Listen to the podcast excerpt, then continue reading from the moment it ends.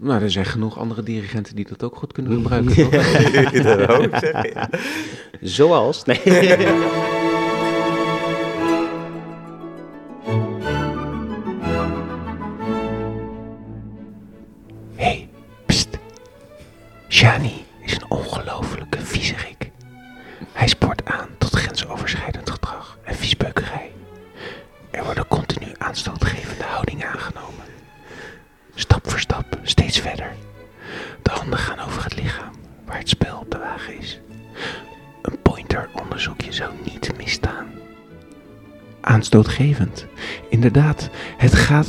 dansen.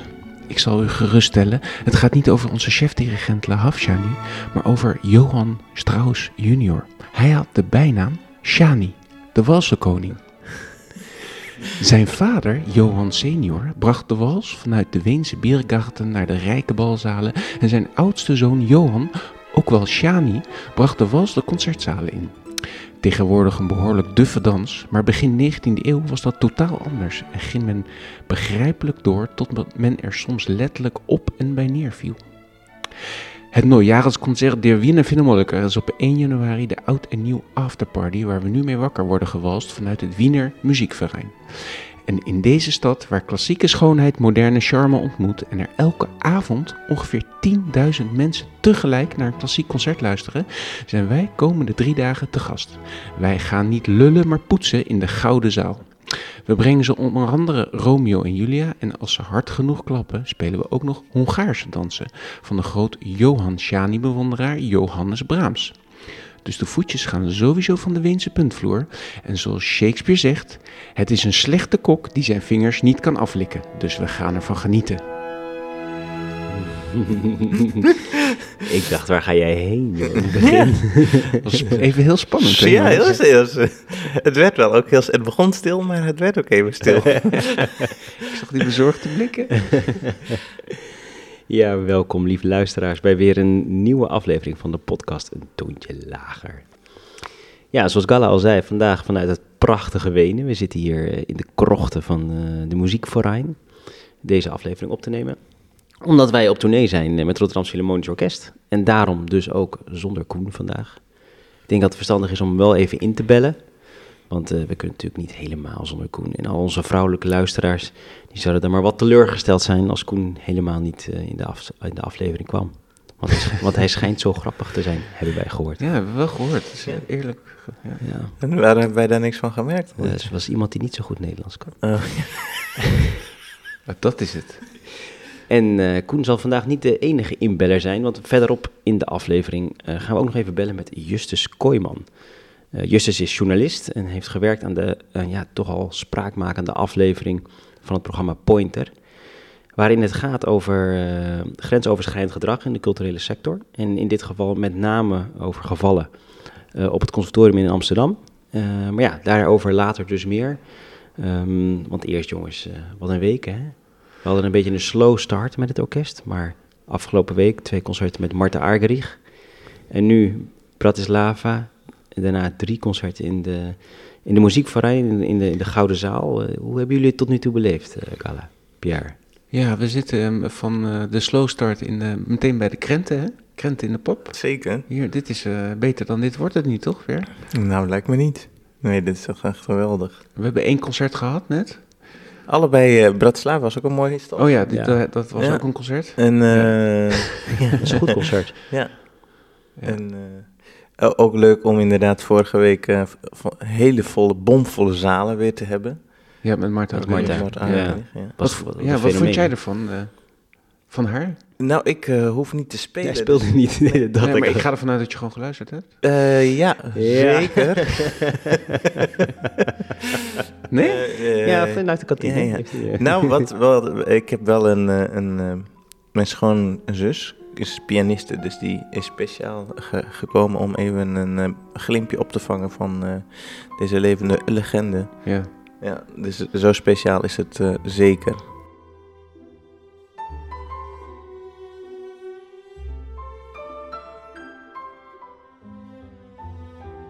Hoe vond jij het, Gala? Ja, ik vind het heel leuk om te zien.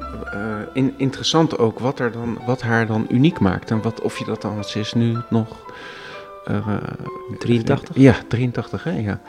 En, en ja, wa- hoe- dat wil je dan, eh, wi- probeer ik dan te duiden of te zien wat dan de, die kwaliteiten zijn. En wat zijn ze volgens jou? Wat zijn, wat zijn, die, wat zijn die extra kwaliteiten, dat, dat, dat vingerspitsengevoel van haar waar jij eh, op aanging?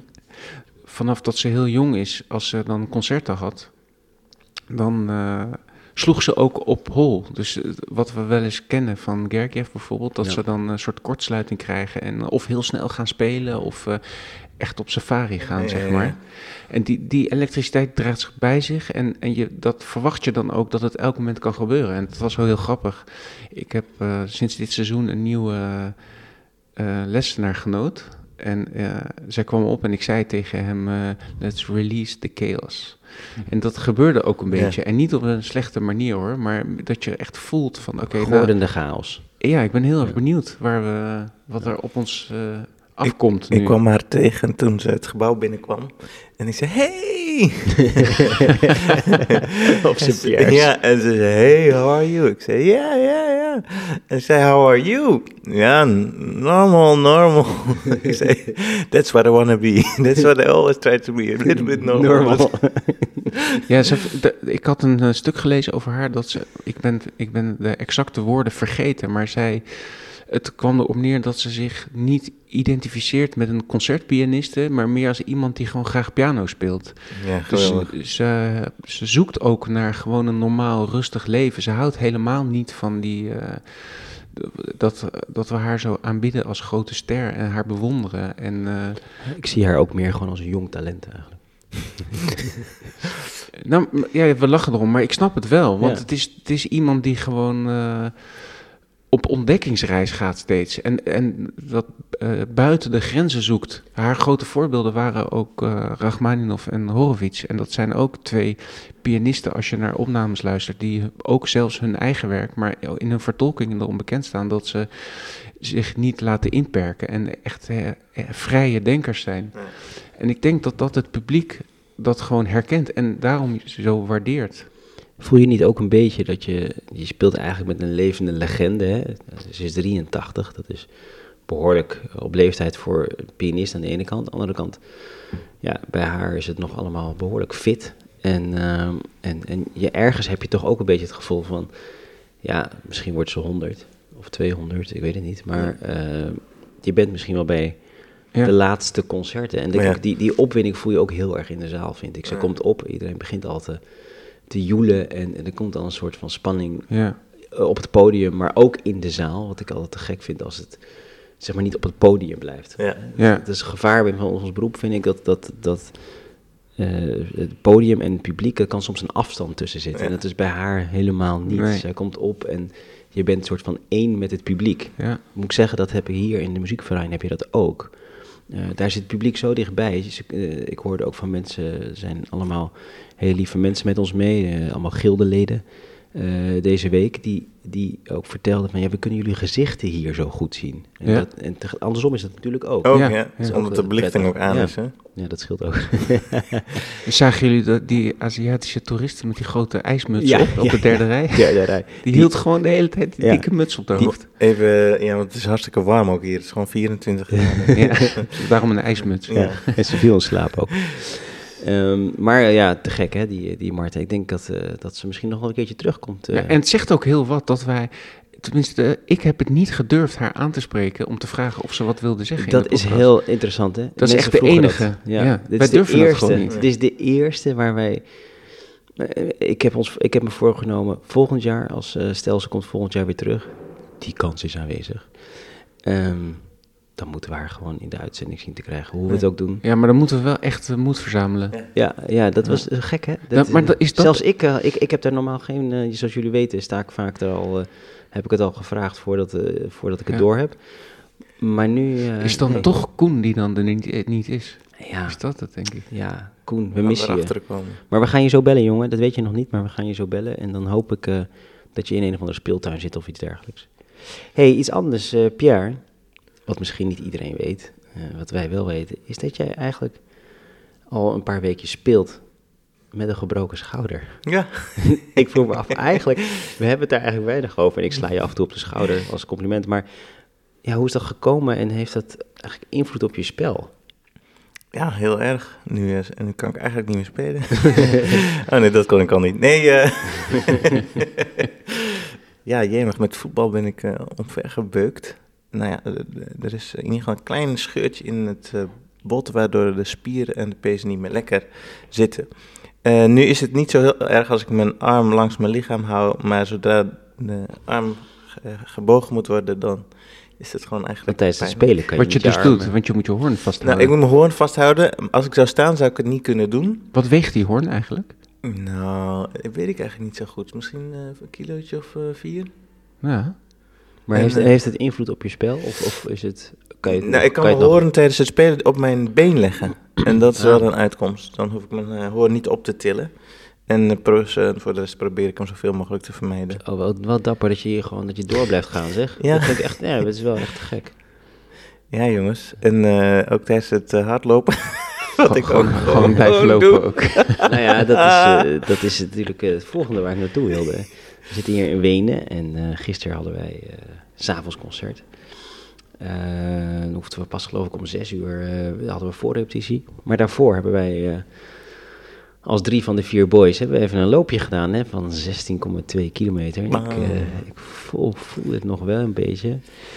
Uh, maar ja, toen kwam ook het uh, ja, toch droevige nieuws tot mij dat ja, jullie twee afgehaakt zijn. Jullie, Jammer hè? Jullie, kijk, en bedoel ik niet op het moment dat jij op de grond lag, Pierre. Struikelde over die boomwortel. Maar ja, True story. Jongens, vertel eens even, kinderfeestjes, uh, ja, welke excuus hadden jullie nou ook alweer? Nu moet ik eerlijk zeggen dat ik ook een andere excuus kan gebruiken. Want ik heb zo'n last van mijn been. Dat als ik... Nu is het weer je been. Ja. dat als ik uh, nu Ho nog zou Hoofd, lopen... schouder, knie en been. Ja. nee, ik, uh, ik ben een wandelend wrak. Nee, maar uh, jullie hebben uh, ja, helaas uh, af moeten zeggen, maar gaan jammer, hebben wel ja. beloofd het op een ander moment in te gaan halen. Ja, het is, ik weet niet of de luisteraars exact weten wat we nou precies gaan doen, maar we hebben ons ingeschreven, althans Koen en Wim, voor de halve marathon van Amsterdam. En dan ik, ik had eigenlijk het grote plan om ze dat als uh, vertrouwen mee te geven voor de enige echte, de mooiste, de hele marathon van Rotterdam in het voorjaar. En uh, daar heb ik mij voor ingeschreven en Pierre heeft zich daar ook voor ingeschreven. En Wim heeft zich daar nog niet voor ingeschreven. In ieder geval, die halve, die, uh, die moet eerst gedaan worden. Alleen um, dat weekend van de halve marathon van Amsterdam viert mijn moeder haar tachtigste verjaardag. En mijn zoontje zijn vierde verjaardag op de andere dag. Gek? En uh, ik kreeg het er niet doorheen. Samen, Dus- samen, samen bijna net zoveel als uh, Marta Arkedrich, hè? Ja, ja, Of meer. ongelooflijk. Ja. Ja. Wauw, Maar- maar, maar nee, maar dat, is wel, dat, is, dat vind, ik, vind ik een goede reden. Dat vind ik een, vind Ja. ik een mooie reden. Ik vind ook, uh, familie, dat gaat sowieso altijd voor. Ja, en dat zijn wij. Maar, Uh, Ja. en, en Pierre, jij had ook... uh, ja bij, bij ons zijn... Bij, ik heb helaas uh, veel verjaardagen rond dit tijdstip. Ik weet ook niet hoe dat kan. ja, maar je hebt ook zoveel kinderen. Ja. En die heb je allemaal op dezelfde tijd verwend. ja, we houden alle verjaardagen uh, samen, want anders word ik helemaal gek van alle samenkomsten, alle familiaire samenkomsten. Het is vier verjaardagen. Ik in vind familie ook heel belangrijk, maar wel één keer heel kort. Uh, dus we hebben ze, uh, vieren we het de vijftiende inderdaad. Maar wel jammer om... Uh, Dus je begint het nieuwe jaar eigenlijk altijd heel goed, denk ik, als ik zo even terugreken. ja, het nieuwjaar is een feest. hey, maar uh, ja, dat stelt wel mij voor een probleem. Want ik, wilde, ik had me voorgenomen me aan jullie op te trekken. Hè? Ik als uh, beginnend uh, hardloper. En uh, ja, Gala, jij bent toch een beetje, zoals ik al eerder zei, mijn goeroe, mijn hardloopgoeroe. En uh, ja, ik denk niet dat ik dezelfde regenboogkleren aan doe als jij gisteren aan had. Maar uh, verder ben je wel mijn, mijn lichtend voorbeeld. Um, en ja. ik, heb, ik heb gewoon wat vragen eigenlijk. Hoe het gaat, hoe doe je dat? Hoe, hoe, hoe, hoe hè, bijvoorbeeld iets heel doms, maar uh, drinken. Ja, dat is moeilijk. Er staan tafels? Of, of, er staan tafels met uh, bekertjes. En ja, knappe jongen, die, dat is als... Uh, ja, een kleurpaad kleuren in de achtbaan of zo. Of uh, plassen in de rijdende trein. dat is ook zo lastig. Maar waar moet ik op letten? Wat, wat, ik, nou, ik, ik zou erop letten dat als je... Ik zit een... precies op schema, weet je. Ik weet, jullie weten, ik wil 1,59, als ik hem überhaupt kan uitlopen. En ik zit op 45 per kilometer. Ik zit er richting 540, 541. Ik trek hem precies 45, maar er komt zo'n post aan. En dan? Dan zou ik, eh, als je het warm hebt, eerst even checken of je geen eh, sportdrank in je gezicht gooit naar water. Want anders wordt het, dan plakt het... eh, Plakkerige boel. Al die En- vliegen. ja. Ja. en dan het bekertje dichtknijpen. En dan heb je een soort tuitje. En dan neem je twee slokjes. En dan, eh, ja, dat was het. Daar, ik, ik zou hem niet... Tijdens het lopen dus. tijdens het lopen. En Dus doorrennen, Ja. pakken. Dat zou ik wel doen. En, ja, maar je kan ook even stoppen als je dat fijn Ja, vindt. nee, dat kost tijd. Maar je hebt ook jelletjes en reepjes bij je, toch? Ja. Ja, dus heel veel drinken hoeft niet. Ik zou gewoon eh, twee slokjes, dat is meer dan genoeg. Ah. Anders krijg je zo'n klotsende buik. En Ja. dan, eh, we hebben gisteren gelopen en toen hoorde ik ook allerlei geluiden. ik dacht, hij gaat even wat leggen daar in het bos. Na dat jelletje. Oh, dat is vies, hè? Bij de volgende lopen zijn er paarse bloemetjes. dacht ik. Maar, nee. Dus niet te veel drinken. Ja. En goed je eten op tijd en met kleine hapjes. En eh, ja, de, voor de rest heb ik je zien lopen en ik maak me helemaal geen zorgen. Nee, ik ook niet. Ik was verbaasd, Wim, dat je, Ja, je rent ons er eigenlijk allemaal uit. Ook dat dat die vaart kan genereren, dat, dat is wel knap. Ik ben een beetje een van de Zo vaart. lang, hè? Hey, en maar nog een andere vraag waar ik wel erg mee zit, zoals jullie weten, zoals jullie ook gehoord hebben. Ik eh, zit een beetje met mijn maag de laatste tijd. En eh, wat Ja. nou als je ineens een eh, Tom Dumoulinetje krijgt?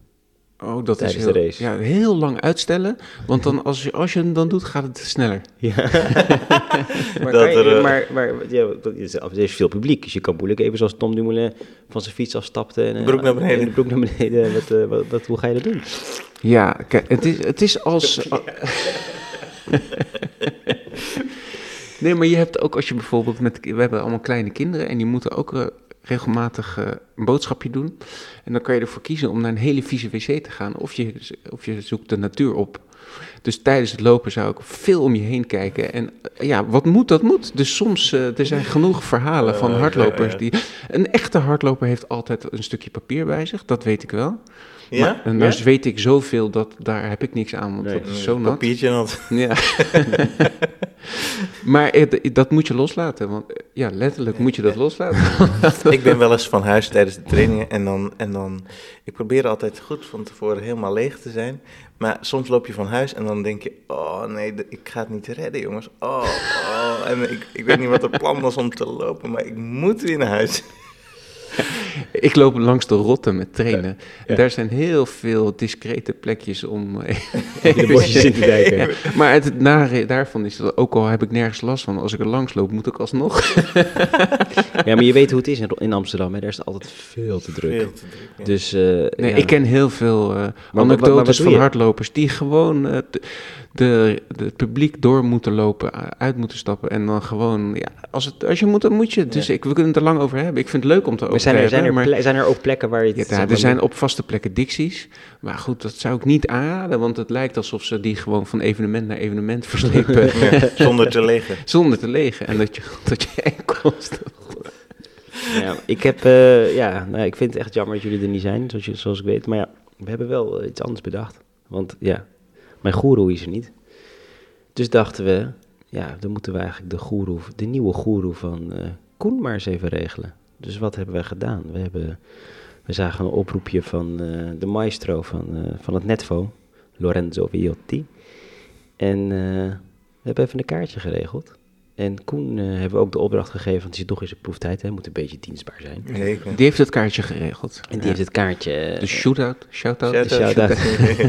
nou ja, de, hij moet nog betalen, heb ik gehoord. En dat schijnt er niet goed in te zijn. Maar eh, ik denk als we straks Koen even bellen, moet even vragen hoe het ervoor staat. En hoe die dat, eh, Ja. ja. of hij nou zenuwachtiger is voor de race of het lopen samen met, eh, Ja. met Lorenzo. Of die hem daar wel volgt. Ja, ik denk wel, als, hij, als ik het niet meer volhoud, hij kan me wel dragen en gewoon die halve marathon voldragen. Dus Dat is wel, Dat eh, is ja, wel bij hem. een fit boy. Leuk. Met Koen. Met Koen! Hey, met Koen! Koentje! Waar ben Jongens, je? jullie zijn op tournee. ik, ben, eh, ik ben op bij de, bij de speeltuin. Oh, jij bent ook op een soort tournee. Dat jij nog weet wat een tournee is. Knap. Ja, We missen eh, je. jullie, zijn in, jullie, zijn- jullie zijn in Wenen en ik loop de Wenen. hey, hoe gaat het met je jongen?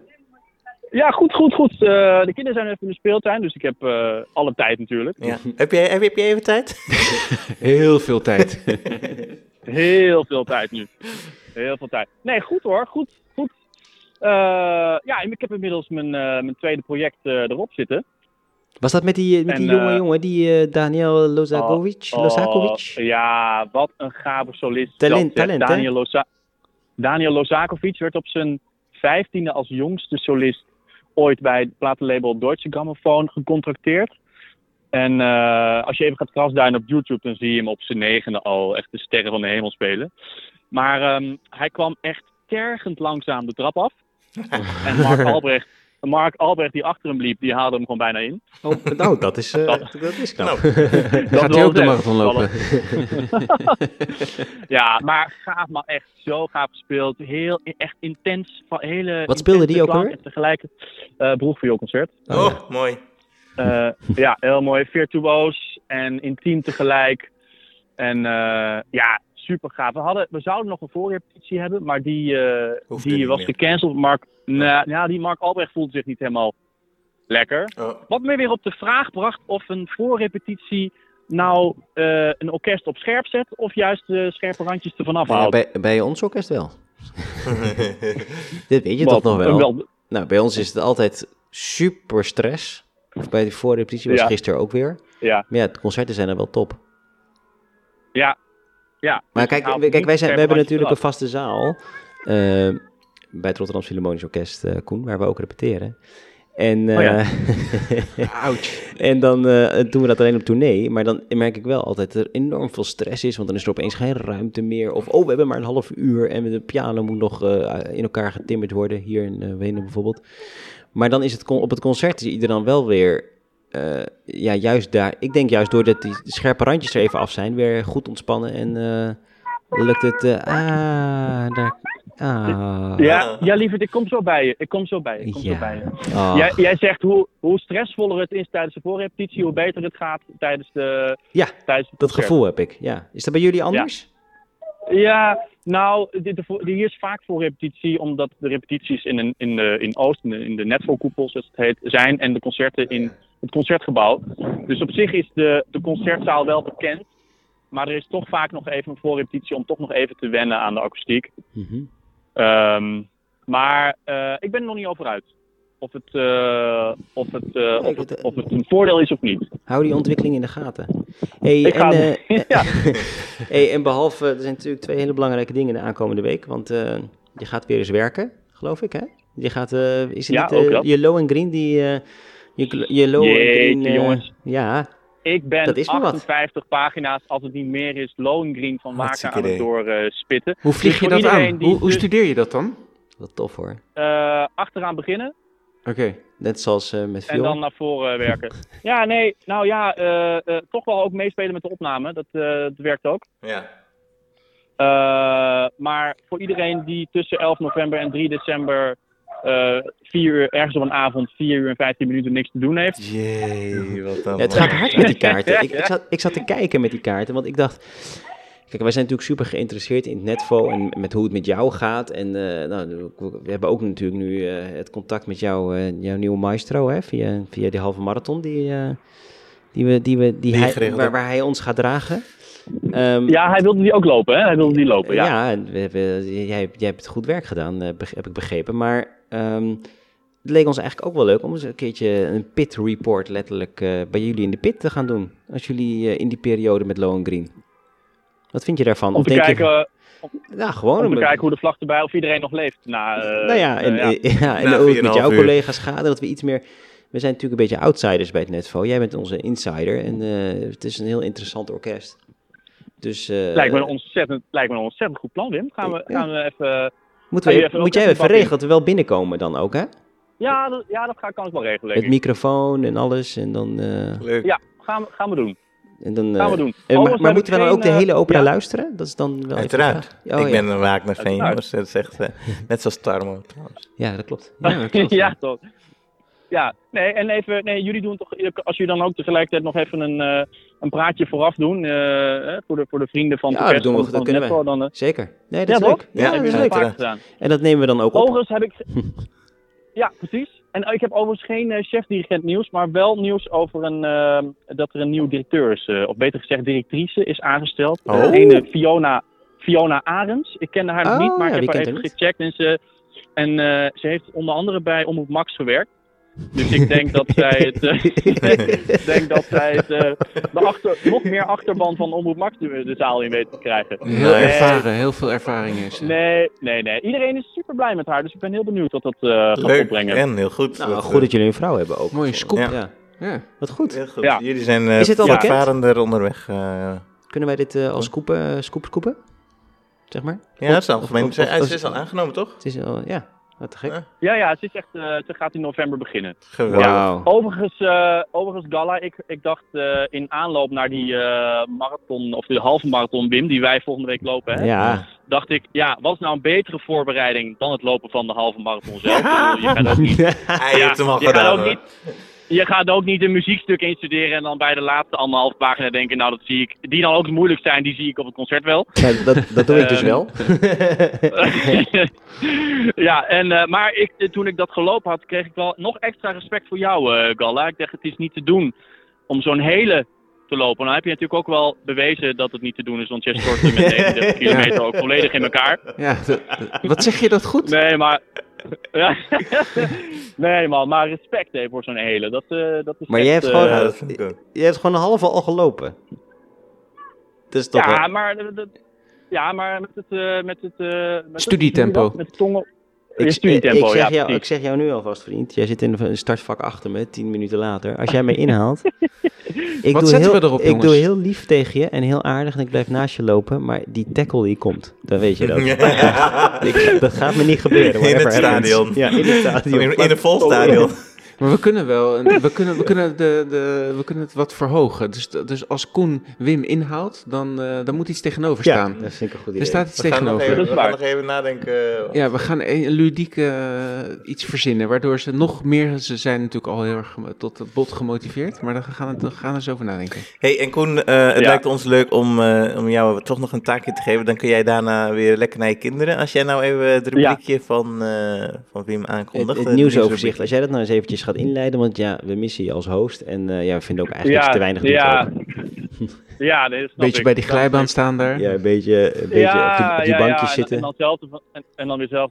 Nou, dames en heren, eh, u mag dan misschien gewend zijn aan Humberto Tan of het Van Huis. Maar dat is natuurlijk eh, kattenpis eh, vergeleken bij eh, de, de, de Albert Verlinde van deze podcastshow. En dat is Wim Ruitenbeek. En die gaat nu eh, met u het nieuws uit de klassieke muziekwereld eh, doornemen. Albert, succes ermee. Geweldig, dankjewel. Tot snel, Koen.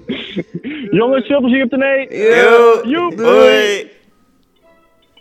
Nou, daar zijn we dan weer met al onze rolletjes en nieuwtjes. Kom maar door, Albert Vlinde.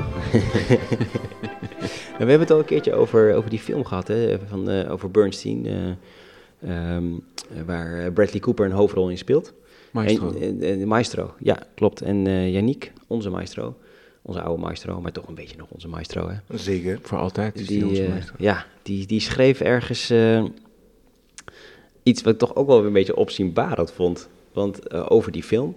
Hij zegt, ja, ik had eh, wel eh, geëist dat, ik, dat er een oorstukje, zo'n zo'n zo'n zeg maar zo'n clicktrack in, in de oren van Bradley ging.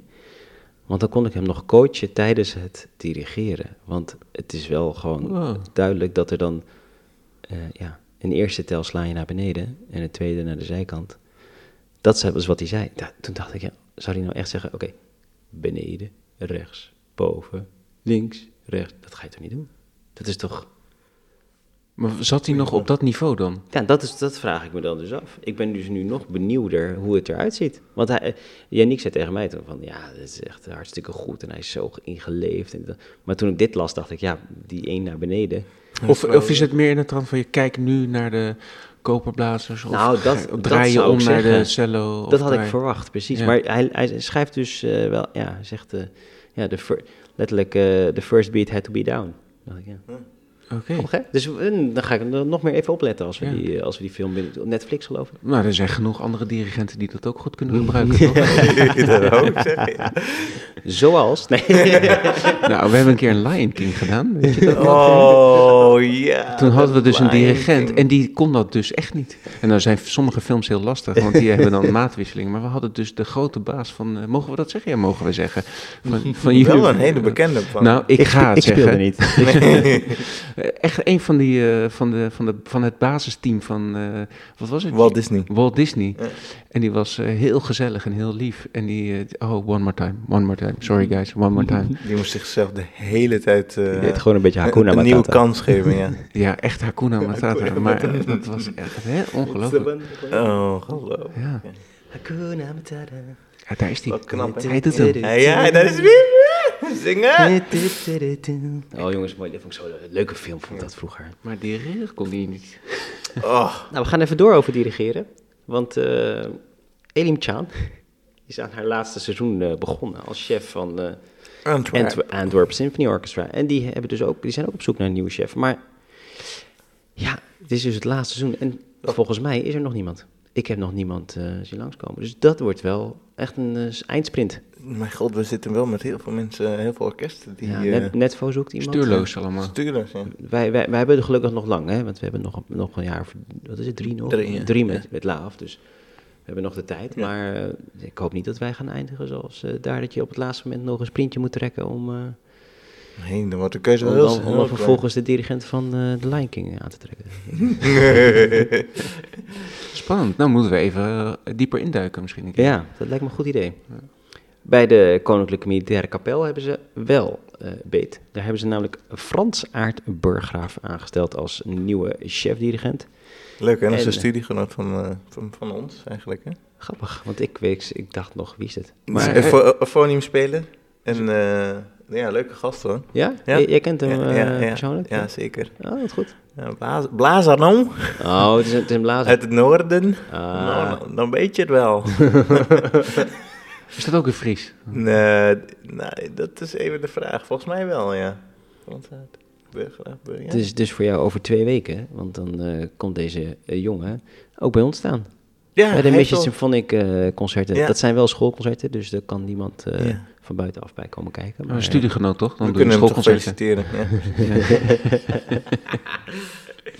hey, en eh, net hebben jullie ook wel gelezen dat eh, onze André, niet Hazes, maar eh Rieu, Rieu. die heeft een nieuw viooltje. Oh, Ja, geen strat. Nou, de vorige keer dat hij dacht dat hij een strat had, was het geen strat. Ah, En nu ook niet. marketing. Oh, Hij, hij strat hem niet meer. Want het is een eh, plantje.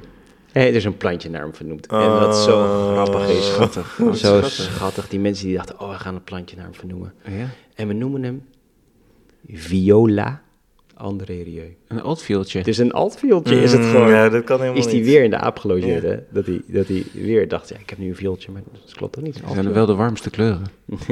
En bloemen worden ook net als zijn eigen product heel veel geëxporteerd. Dus Ja. het zou wel weer een eh, top-exportproduct zijn van Nederland. Hè? Waarschijnlijk, ja.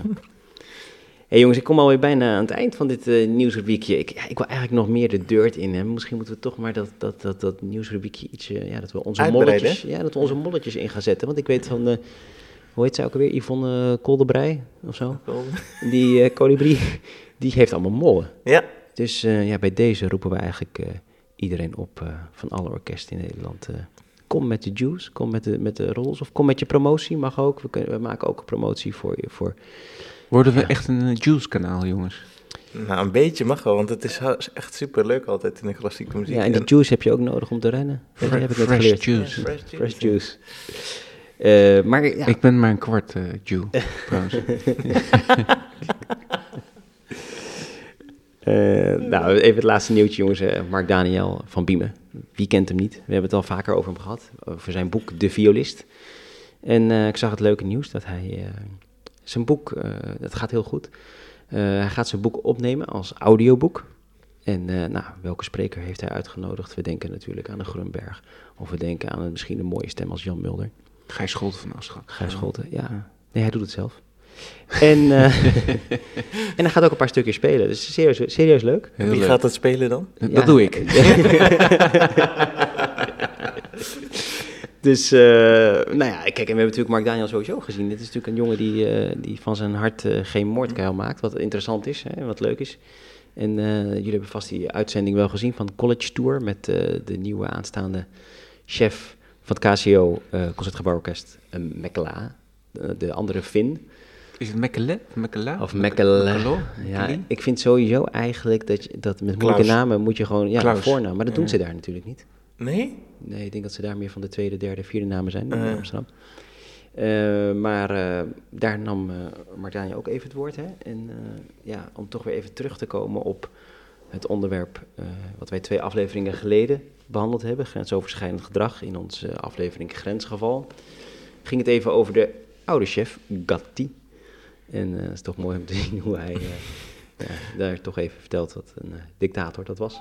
Oeh. In zijn ogen. Ja. ja. ja. was zijn mening. Ja, was zijn mening. Zei hij dat ook? Ja, dat zei hij ook. Oké. En uh, het is ook, uh, het is natuurlijk ja, ook wel een beetje een promo-uitzending voor het KCO natuurlijk. Zo'n zo'n uitzending, ja. de College Tour. Maar de elektriciteit, de elektrische spanning steeg wel. Die steeg, ik. ja, dat dacht ik ook te zien. Ja, dat is... Uh, het is een heel gelaagd onderwerp, hè, dan dus.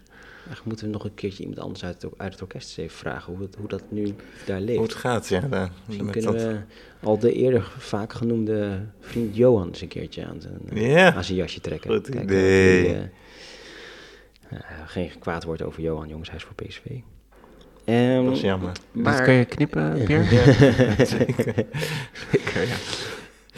Hey, maar dus over, ja, via Gatti eigenlijk, via Mark Daniel, komen we toch, uh, en via de tv, komen we op een andere, ander onderwerp, een andere tv-uitzending van de afgelopen periode. En dat was uh, aflevering van het programma Pointer.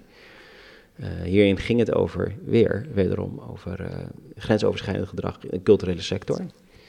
En ja, met name eigenlijk in deze aflevering over een aantal gevallen op het consortium van Amsterdam. Ja. voor jou ook interessant, Pierre? Je hebt daar ook gestudeerd. ja, ik was heel erg benieuwd. of jij ook genoemd werd? Of, of ik en genoemd werd en iets herkende van al die dingen die daar... ja. Dus ik heb met ja, grote interesse het artikeltje ge gezien op 29 uh, september wat uitkwam. En het, uh, en het ja, ja. fragment bekeken wat, die, wat uitkwam. En? Ja. Nou, hou, hou, het, hou het bij je. Ja. Want wat bij mij een goed idee lijkt is om Justus Kooijman, een van de, van de makers en de drijvende krachten achter dit programma eens even te bellen. Ja, en dan kunnen we dus met hem uh, in gesprek over. over Laten we dat nu doen.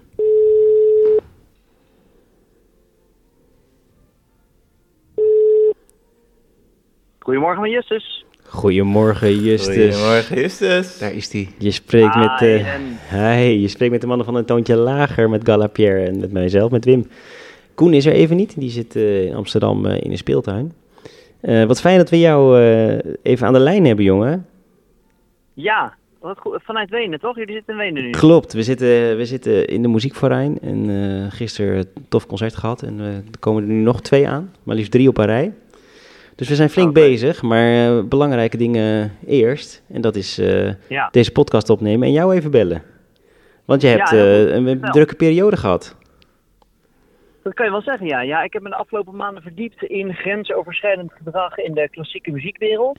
En daar hadden wij vorige week zondag de eerste uitzending van. Ik werk bij Pointer, een onderzoeksjournalistiek programma van, van de KRO en CV. En ja.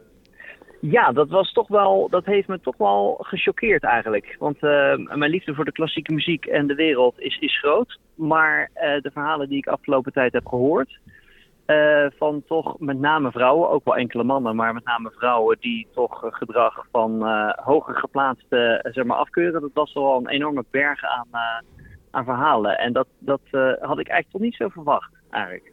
Nee, nee, nee want, want, want je, ja, je, je krijgt al die verhalen over je heen.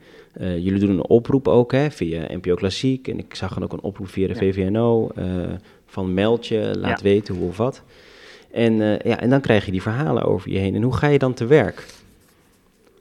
Ja, we hebben dus het eerste verhaal is eigenlijk al van het voorjaar. En we hebben nou ja, toen via via eigenlijk best wel veel muzici al gesproken. Dus, dus uh, nou ja, hoe dat dan gaat. Veel muzici zijn toch wel bang om uh, zaken te vertellen. Ja. Uh, en dat heeft er alles mee te maken dat zij... ja, het is natuurlijk een kleine wereld, die klassieke muziekwereld. En als ze zich heel duidelijk uitspreken tegen of een orkest of een dirigent of een docent op een conservatorium... dan kan het natuurlijk directe gevolgen hebben voor je carrière. Dus wat wij merkten is allereerst dat mensen wel bereid zijn te praten, maar vooral als het off the record is. Ja. Ja. Dus we hebben ook heel veel off the record gesprekken gevoerd. En uh, ja, een klein Dat is wel aantal lastig, toch? wilde- Ja, dat is heel, maakt het heel ingewikkeld.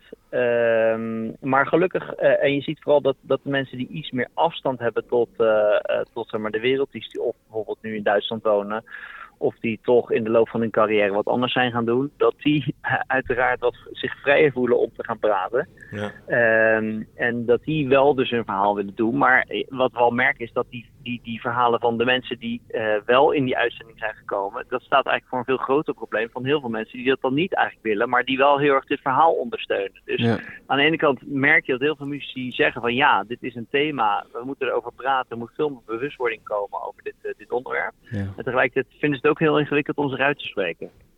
Ja, dan heb je toch weer die, die afhankelijkheid natuurlijk. Hè?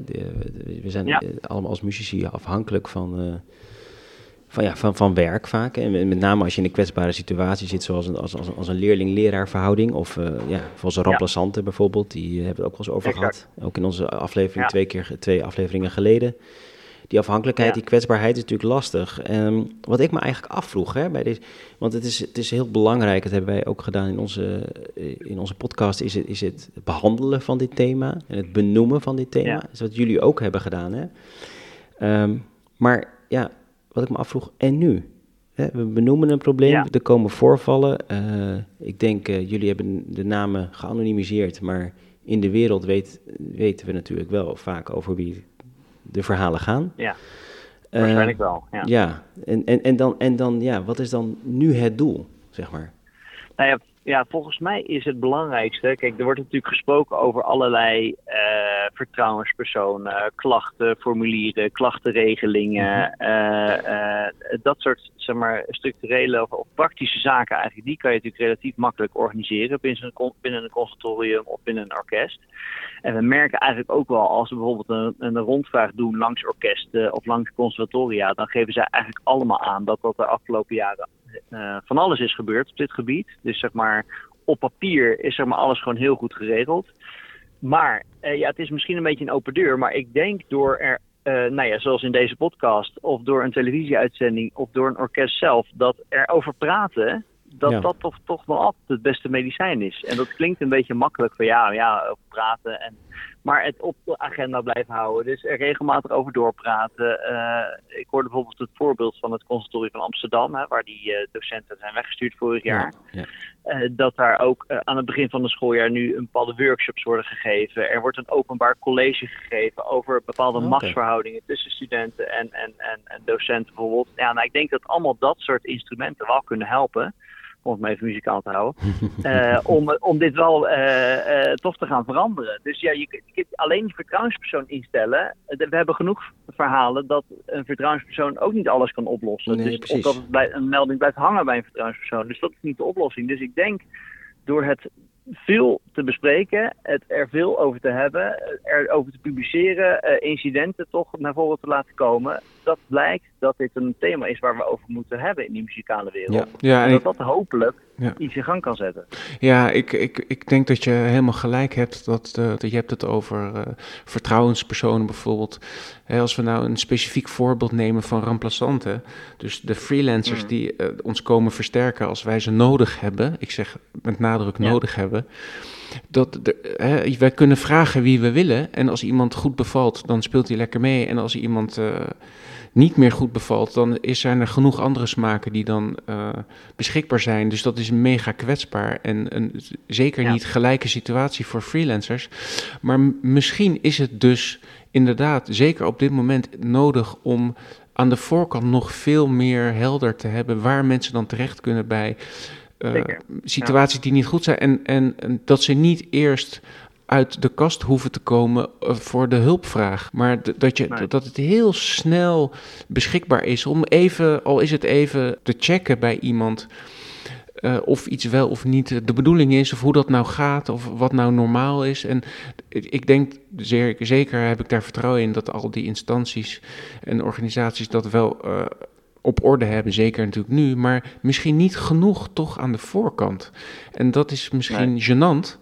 Maar ik kan me zo voorstellen dat, het, dat het helemaal niet gek is als iemand een uitnodiging krijgt om te komen remplaceren. Dat er gewoon altijd standaard in een e-mail dan gegevens staan voor iemand bij, ja. ja. bij calamiteiten of als er iets is kan je bij deze persoon terecht. En je moet daar dan ook van uitgaan dat die persoon uh, capabel is om daar dan uh, dat goed uh, in perspectief en de nou, context precies, te ja. plaatsen. Is die vertrouwenspersoon dan ook onafhankelijk genoeg om daar die, Precies, dan ja. in vertrouwen je verhaal te kunnen doen? Hè? Dat Ja. is natuurlijk ook belangrijk, want als dat dan inderdaad degene is die, die, die Niet ja, de- onafhankelijk in de is. kamer zit en Ja. eh, zeg maar, daar kan, daar kan nog het gevoel geven, ja, dan, dan, dan meld ik me alsnog bij de directie en kan dat gevolg hebben. Maar je moet eigenlijk ervoor zorgen dat ook zo'n vertrouwenspersoon dan echt ja, een soort onafhankelijk is en je daar echt op je gemak voelt. Dat is een beetje een open deur. Ja, maar daar moeten we. Ja, en daar, niet doen. Precies, en daar moeten we denk ik echt van uitgaan. Dat daar, in eerste instantie moet er, ga je ervan uit dat die capabel is. En als dat dan wel of niet het geval is, dat is weer een andere, ander vraagstuk. Maar ik denk dat een deel van onze problemen, als het gaat om een orkest, dat de muzici op het podium eigenlijk de baas zijn.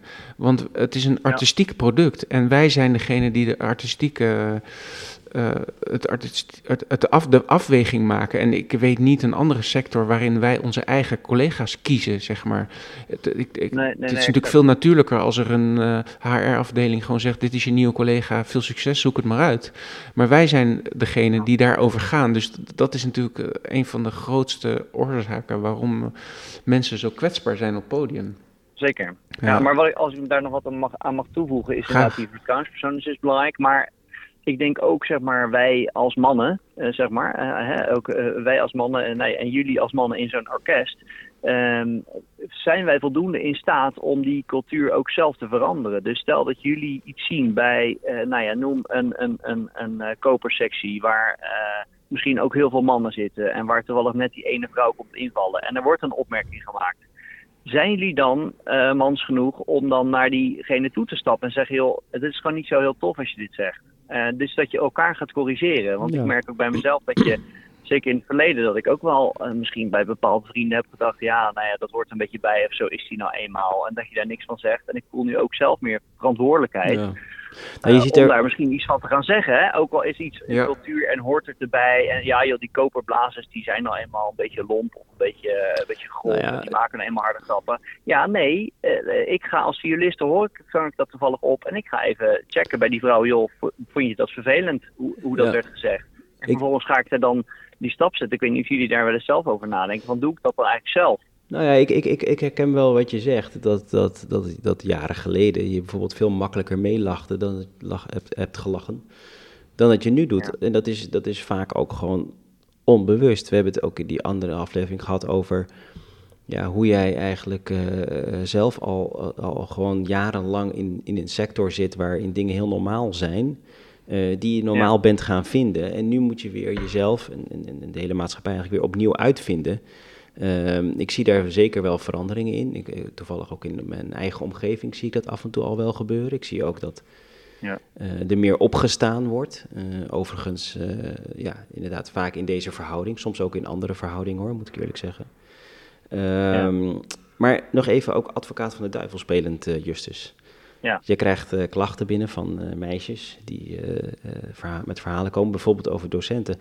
Hoe check je dan of die. Klachten eh, geloofwaardig zijn? En, en, en check je bijvoorbeeld Ja. ook wie die klachten dan geven? Want eh, eh, ja, we kunnen toch ook zeggen dat bepaalde gevallen, en ik toevallig niet in jullie uitzending, hoor, daar heb ik het dan niet over, maar in het algemeen eh, zou je ook kunnen zeggen, ja, het zijn wel altijd deze mensen die dat doen. En hè, hoe, eh, hoe verhoudt zich dat? Hoe, hoe Mhm. Nou check ja. je dat bijvoorbeeld als journalist, hè, zijnde? Dat is bijna misschien het, het meest ingewikkelde natuurlijk van dit onderwerp. Want we hebben eh, ja, wel tientallen verhalen gehoord van eigenlijk individuele muzici die naar ons toe zijn gestapt. Ja. Ja, en als zij heel weinig bewijsmateriaal hebben, dat wil zeggen mails of appjes of eh, geluidsopnames of eh, contacten die ze hebben verslagen, die ze hebben gehad met een directie of een vertrouwenspersoon, dan is het natuurlijk dan is heel ingewikkeld. Dan, eigenlijk is dan bijna soms de boodschap, ja sorry, ik vind het buitengewoon vervelend en eh, waarschijnlijk zal het best zijn gebeurd. Maar voor ons is het eigenlijk niet te checken en niet te achterhalen. Ja. Eh, dus het helpt eh, in ons geval natuurlijk heel erg als er meerdere meldingen zijn over één persoon of over één instantie. Hè? Want dan kan je natuurlijk die verhalen gaan verzamelen en kijken, is er een soort, een soort patroon. patroon geweest? Of, Ja. Ja, is er een patroon of is het vaker voorgekomen of over een lange periode? En dan kan je vervolgens dat het wederhoor gaan halen. Want wij zullen nooit zomaar iets uitzenden, een verhaal, zonder dat natuurlijk te checken bij degene om wie het gaat. Of dat nou een conservatorium is, of een orkest, of de, de, de docenten zelf. Daar zijn we ook bij de afgelopen uitzending uiteraard eh, langs geweest. Om, Mhm. eh, om, om hun kant van het verhaal eh, te horen. En je hebt ze Dus ook gesproken. heel ingewikkeld. Dus ik heb ze zeker gesproken, ja, Ja, zeker. dat is Ja, sterk, ja, vond, ik, vond ik ook een sterk onderdeel. Ehm, Ja. Hey, ehm, die uitzending is geweest. Wij, eh, in onze omgeving merken we dat er veel over gepraat wordt. Heel goed. ja, dat merken ook- wij ook trouwens. Want we hebben ook wel gezien dat er eh, nou ja, bijvoorbeeld orkesten mailtjes rond aan het sturen zijn. eh, conservatoria die, die, die wijzen studenten op die uitzending. Ik begrijp dat er binnenkort ook in de orkestwereld met, met de vakbonden een bijeenkomst is georganiseerd over dit thema. Eh, dus dat vind ik wel heel positief. Dat er wel iets gebeurt en dat iedereen het serieus neemt. En dat er eh, gelukkig in ieder geval wel eh, nou ja, wat met, met zo'n uitzending wordt gedaan. Dus Ja, daar zijn we precies. heel blij mee. Maar ik neem aan Ja. dat jullie, dat, tenminste, ik ga er gewoon van uit. En ik heb het volgens mij ook ergens gelezen dat, dat er weer veel reacties naar jullie ook zijn gekomen. Naar aanleiding van die. Ja, en, zeker. en, en, en hebben jullie nu een plan om, om hiermee door te gaan?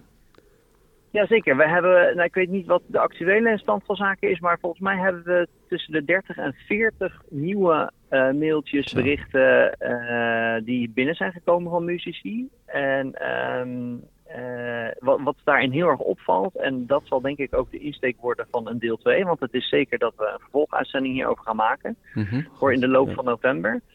Ehm, is is eh, met name ook verhalen van consultoria waarbij, eh, nou ja, we hebben het een beetje de, het kopje mentale afbraak genoemd. Dat wil zeggen eigenlijk dat studenten enorme nare ervaringen hebben gema- meegemaakt met eh, ja, de, de, de competitieve sfeer waarin zij les krijgen, maar die zover is doorgeschoten dat ze er soms mentaal echt aan onderdoor gaan. En ik weet Ja. niet of jullie dat als eh consortium, eh oud-consortiumstudenten ook herkennen. Maar eh, competitie is natuurlijk goed en eh, op scherp van de snede is ook goed. Maar er zijn toch wel verhalen van, van eh, bepaalde docenten die eh, ja, wel dusdanig over het randje gaan dat dat waarschijnlijk ook een van de onderdelen zal zijn waar we ons nu verder in gaan verdiepen. Ja, dat is geen nieuws. Eh, Tenminste, voor, voor mij is het geen nieuws. Dit is, dit, dit, Nee. komt, dit is herkenbaar, denk Ja. ik. Hè? Ja, dat is absoluut Ja, herkenbaar. ja. Ik, eh, mijn eh, overlevingsinstinct bracht mij heel erg bij mezelf. Ik studeerde viool op het conservatorium en er waren meerdere docenten. En ik koos mijn leraar daar zelfs op uit dat ik een individueel pad kon lopen. Dus dat ik me zo min mogelijk hoefde te meten met andere studenten ook. Ik realiseerde me al heel vroeg Tenminste, dat was mijn eh, inzicht. Dat ik vond namelijk dat er niet een één norm was van het niveau wat Ja. gehaald moest worden. Dus da- daardoor kon ik Mhm. me daar ook van distancieren en heel erg mijn eigen route kiezen en volgen. En daar hield ik me heel erg aan vast. Maar dat, was, dat is natuurlijk eh, geboren uit eh, overleving. Ja, ja. Ja, maar ik vind het lekker. Ik weet niet hoe jullie daarnaar kijken. Maar aan de ene kant wil je natuurlijk ook eh, eh, het beste van het beste. Ook om zo'n conservatorium. Het wordt je baan. Eh, mensen die, die, die gaan daar ook studeren omdat ze solist willen worden. Dus dan moet Ja. je misschien ook ja, op een bepaalde manier ook afzien en oneindig veel repeteren. En, en is het ook belangrijk dat, dat je een strenge docent hebt. Maar wanneer en hoe vaak gebeurt het dan dat, dat, er, nou ja, dat je een dusdanige docent hebt dat je vergelijkbaar met de turnwereld natuurlijk gewoon helemaal wordt afgemaakt? Zeg maar. Ja. En waar ligt dan de grens? Hè? Dat lijkt me best een heel ingewikkeld eh, verhaal eigenlijk. Ja, eh, wat je eerder zei en wat hier misschien op aansluit, is ook dat je eh, veel vrouwen hebt gesproken en een paar mannen. Ja. Bij de mannen, eh, ik- nou, ik weet niet om wat voor meldingen het gaat, maar eh, over het grijze gebied. En je zegt het mag op scherp van het snede, maar ik denk ook dat het bij de mannen eh, de grens wat eh, vager is. En, en misschien omdat het minder op seksueel gebied kan, eh, eh, hè, die eh, overschrijding. Ja. Dus Ja. de, het bewijsmateriaal wat je eventueel zou eh, nadien zou willen hebben, in zo'n geval, ja, dat is er dan vaak ook niet. Nee. En, Nee. en eh, Sterker nog, als je dat eh, eh, vertelt aan iemand wat er gebeurd is, dan is er al heel erg afbreuk gedaan aan de impact die het had op het moment dat het gebeurde. Dus als ik soms, dan, dan heeft er iets plaatsgevonden en dan denk ik eigenlijk, eh, heb ik een moment van bezinning bij mezelf. Dan denk ik, hé, is dat nou echt gebeurd? En dan reproduceer ik dat bij iemand en dan is het eigenlijk al heel normaal. of dan is Ja, de ja, context ja. is dan Mhm. weg, of het moment waarop het gebeurt, waarop je dus zo kwetsbaar bent. Dat, is dan, Ja. eh, dat kan je dan eigenlijk al niet meer uitleggen, waardoor het al een, een, een soort van, ja, nou Ja, ja, Je, denkt, je denkt, is dit nou echt gebeurd of niet? ja, Ja, of dan, ja. dan, mee. Of, eh, Eh, nou precies, ja, er wordt heel snel bij. beroep gedaan op je weerbaarheid. eh, in zo'n geval dat Ja. de grens heel vaag is. ja, precies. Ja, ja, ja. Nou, ja, ja. des te belangrijker is het werk wat jullie doen. Ik wilde daar toch nog eh, even Ja. een pluim voor geven. Want ik vind het echt. eh, ik kan me voorstellen dat je. Je begon je verhaal met dat je gechoqueerd bent. En dat kan ik me heel goed voorstellen. Want jij hoort nu gewoon Ja. uit eerste hand de pijn van de jonge lui. Hè, wat ze hebben meegemaakt en welke impact dat het heeft op de rest van hun leven. En ik kan me voorstellen dat, dat, eh, dat je dat beste even mee naar huis neemt. Maar de, Zeker, ja, nee, absoluut. Ja. ja, en maar de impact die jullie hebben en eh, de waarde, dat, ja, je, je doet echt iets wat verschil maakt. Daar wil ik je toch voor bedanken, want Ja. ik vind het echt eh, een hele goede zaak, Justus. Nou, dat is eh, goed om te horen. Dankjewel voor de complimenten. En ja, ik ben blij dat het in ieder geval besproken wordt, dit thema eh, in de wereld. Want dat is natuurlijk uiteindelijk waar wij als journalisten ook op uit zijn. Dat, dat je echt iets in beweging zet en dat er iets verandert. En ik Ja. hoop inderdaad bij dit thema, en ook door deel 2 te maken, dat, er, eh, ja, dat het gewoon veel meer op de agenda komt. En hopelijk dat er in ieder geval ja, wat minder slachtoffers zijn. Ja, en, en goed om te realiseren dat eh, nog steeds het grootste gedeelte dit ook wil. We, willen, eh, Ja. we zijn op zoek naar een veilige habitat. En dat, inherent aan veiligheid is dat er grenzen zijn die, die, waar je makkelijk eh, bewust of onbewust overheen kunt gaan. Dus ik denk Ja. dat het grootste gedeelte van onze collega's heel dankbaar is dat we hier steeds meer. Eh, steeds bewuster van worden en dat we op die manier een, eh, een gezondere werk- en leefomgeving kunnen creëren, waar, waarin de prestaties beter worden, want daar ben ik namelijk ook heilig van overtuigd. Ja. laten en is daar nog, eh, als ik daar nog één dingetje over mag vragen, is daar nog vaak, eh, horen jullie vaak ook in deze discussie vaak om je heen, maar ja, het is ook, hè, het bekende voorbeeld, het is ook de Champions League en je moet nou eenmaal eh, ook hard zijn en dat hoort er ook een beetje bij. Of het nou gaat over gedrag van dirigenten of van solisten, dat hoor je natuurlijk toch wel best wel vaak, dat ze, ja, die nou, die hebben nou eenmaal dat, dat, dat, dat randje, dat schuurt een beetje en dan moet je er eenmaal omgaan, zeg maar. Is dat nog een geluid dat veel bestaat? eh, Nou, de- het, ik leg graag de parallel met voetbal. Wij voetballen ook regelmatig eh, samen inmiddels, Justus. Dus dat, eh, ik, als ik Ja. jouw stem hoor, moet ik altijd aan het voetbalveld denken. maar er zijn eh, ook allerlei voetbaltrainers met allerlei stijlen. En als ik nou Guardiola neem bijvoorbeeld, die algemeen beschouwd genomen wordt als, eh, eh, eh, als een echte top of the, top of the bill. Maar die heeft het altijd over, ook over bewustwording.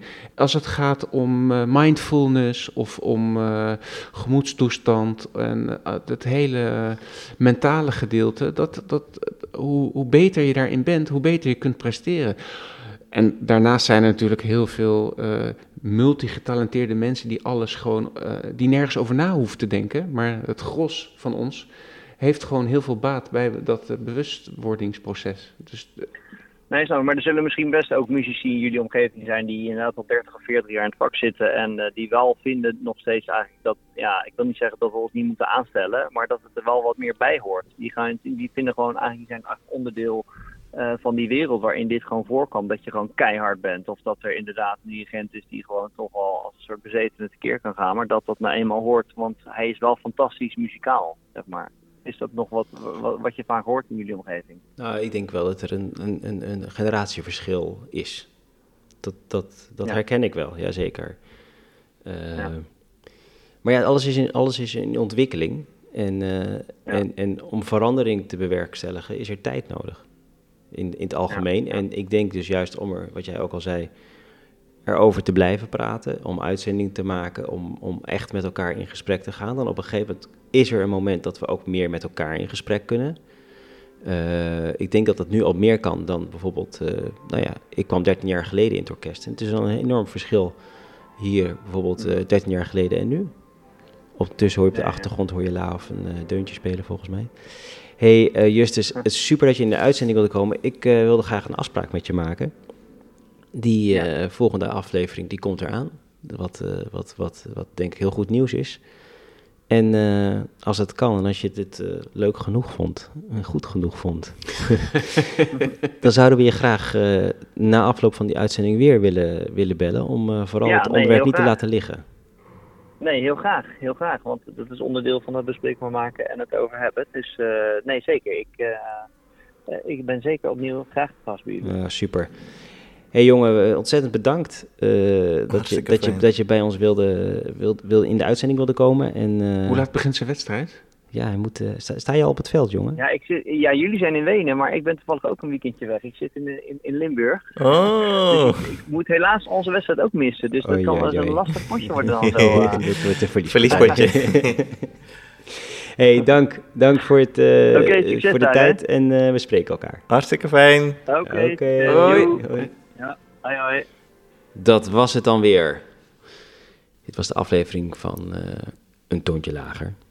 Eh, jongens, vanuit deze prachtige loge waar we zitten, eh, gaan we afscheid nemen. We zitten, ja, misschien toch leuk om even te vertellen aan de luisteraar. Ja, omschrijf even wat je ziet. Waar we zitten. ja, ja, het is... Ja, het Niet, is, niet die gouden spiegel waar je de hele tijd in kijkt.